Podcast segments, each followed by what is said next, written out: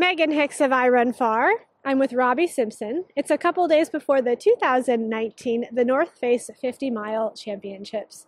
Good morning. We're in uh, the Marin Headlands of California. Hi, yeah, nice to be here. nice to meet you. This is your first time uh, racing an ultramarathon. This is also your first time in the United States. Uh, yeah, so it's all pretty new actually. Um, some new experiences to have, but hopefully good ones, I think. All right, so I want to start things off with talking about you and your background with running. This is I Run Far's first interview with you. This is your first time coming into the ultra distance, but you have tons of experience with running mountain running, road running, track and field. Um, yeah, I've been running for about 15 years, um, you know, starting off with the shorter distances. Actually, started off mostly with mountain running. Um, First? Yeah, okay. I mean, I, I did track when I was like about 13 or 12, 13 years old, and then I got a bit bored of that. And okay. then already by 15, 16, I was doing a lot of mountain running. Right. Yeah. And then after that, I got a bit, well, I kind of went into road running maybe 23 years old or something and okay. did a couple of marathons. Yeah. Now, now, talk about where you were raised. You said you live outside of Aberdeen. Is that where you started mountain running? Um, yeah, so the northeast of Scotland, um, yeah, that sort of area. We've got some some nice hills, not really big mountains, but um, yeah, it's great for running. So when I was younger, like the town I lived in, we didn't have like a proper track or anything, mm-hmm. or you know that many roads. So I just ran on the hills and ran on the kind of you know nice forest forest paths. Yeah. Huh.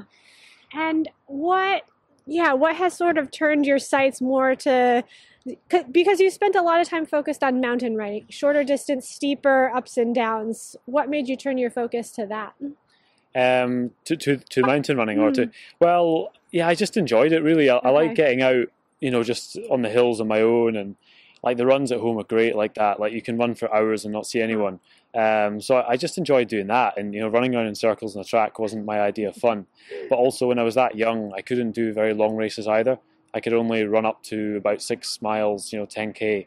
So then I thought, well, the mountain races are good for that. You know, even a six mile race is actually quite tough. So, uh-huh. so I did quite a lot of those, um, and you know, it went pretty well.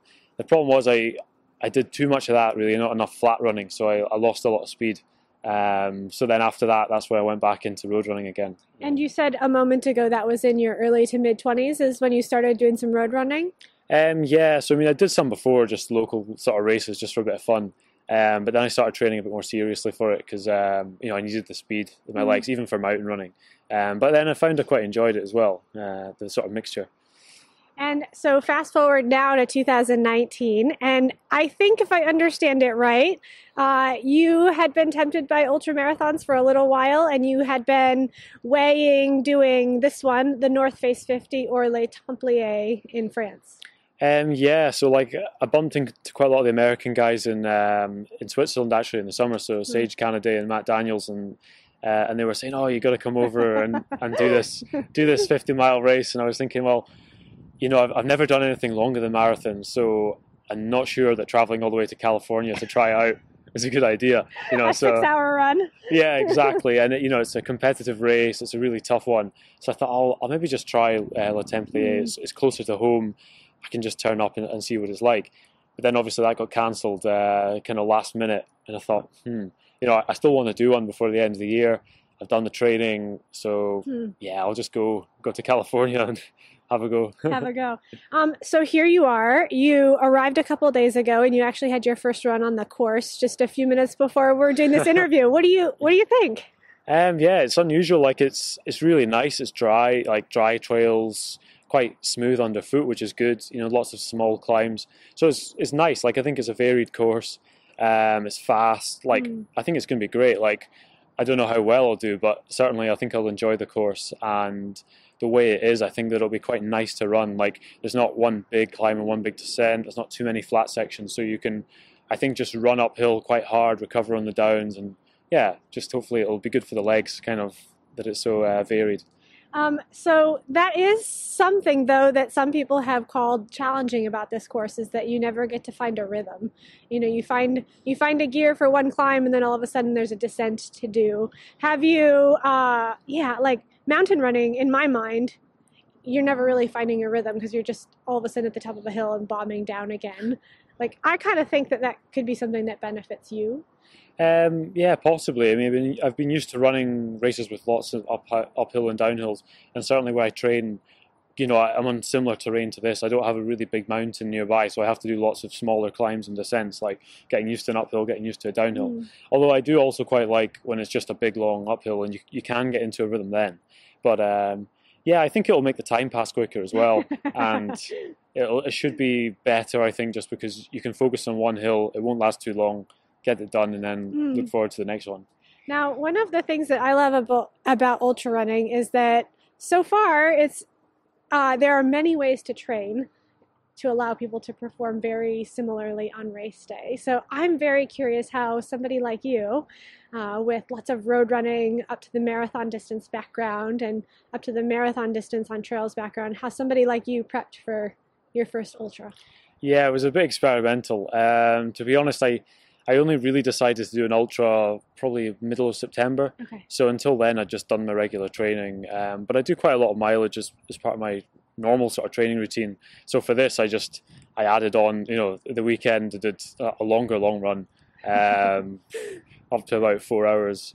Okay. Um, I did them most weeks, and then I did the same kind of thing during the week. Like I do one or two kind of flat workouts, and then you know run on the hills as well, um, sort of mixed into that, and in the long run, and then I added in a few sort of you know specific up and downhill sessions as well. But you know, it wasn't a massive training block. I'm just kind of hoping that the fitness from the summer, you know, the sort of more mountain training I've done will help with this, and then the sort of longer runs will make sure my legs can keep working. But yeah. you know, it's it's still it's hard because I haven't raced anything this long. Um, I can't be 100% sure that my body is gonna gonna be fine for you know six seven hours. Uh, so I just have to trust that it'll be okay and that the fitness and training will work. But one last question for you. Uh, we were talking off camera before this interview about the obscene amount of sugar that might go into fueling you on race day. What is your nutrition looking like for Saturday? Um, well, it it's going to be unusual. I mean, like I'm used to doing races obviously up to three hours. I still take gels and energy drinks, but it's just the amount that you have to take for. You know, I'm just thinking, okay, in a short race I need this much, but for a long race, it's so much sugar. you know, so many sugar. gels and yeah, it's going to be nasty. But I'm just hoping that I can just keep going. You know, up to three hours it's been fine. So I just keep doing that for another three hours. Hopefully, my stomach's going to be all right, and I can. And your body will metabolize all that sugar, and you'll hardly know that it's exactly. that it's gone through your body. Exactly. Yeah, should be fine. um. So yeah, standard running nutrition products. Yeah, I th- I think so. I mean, I've got some like energy drink sachets I'll use. I've got some gels. I mean, I, I, just have to check out what I can get on the course and if I can pick up some bottles.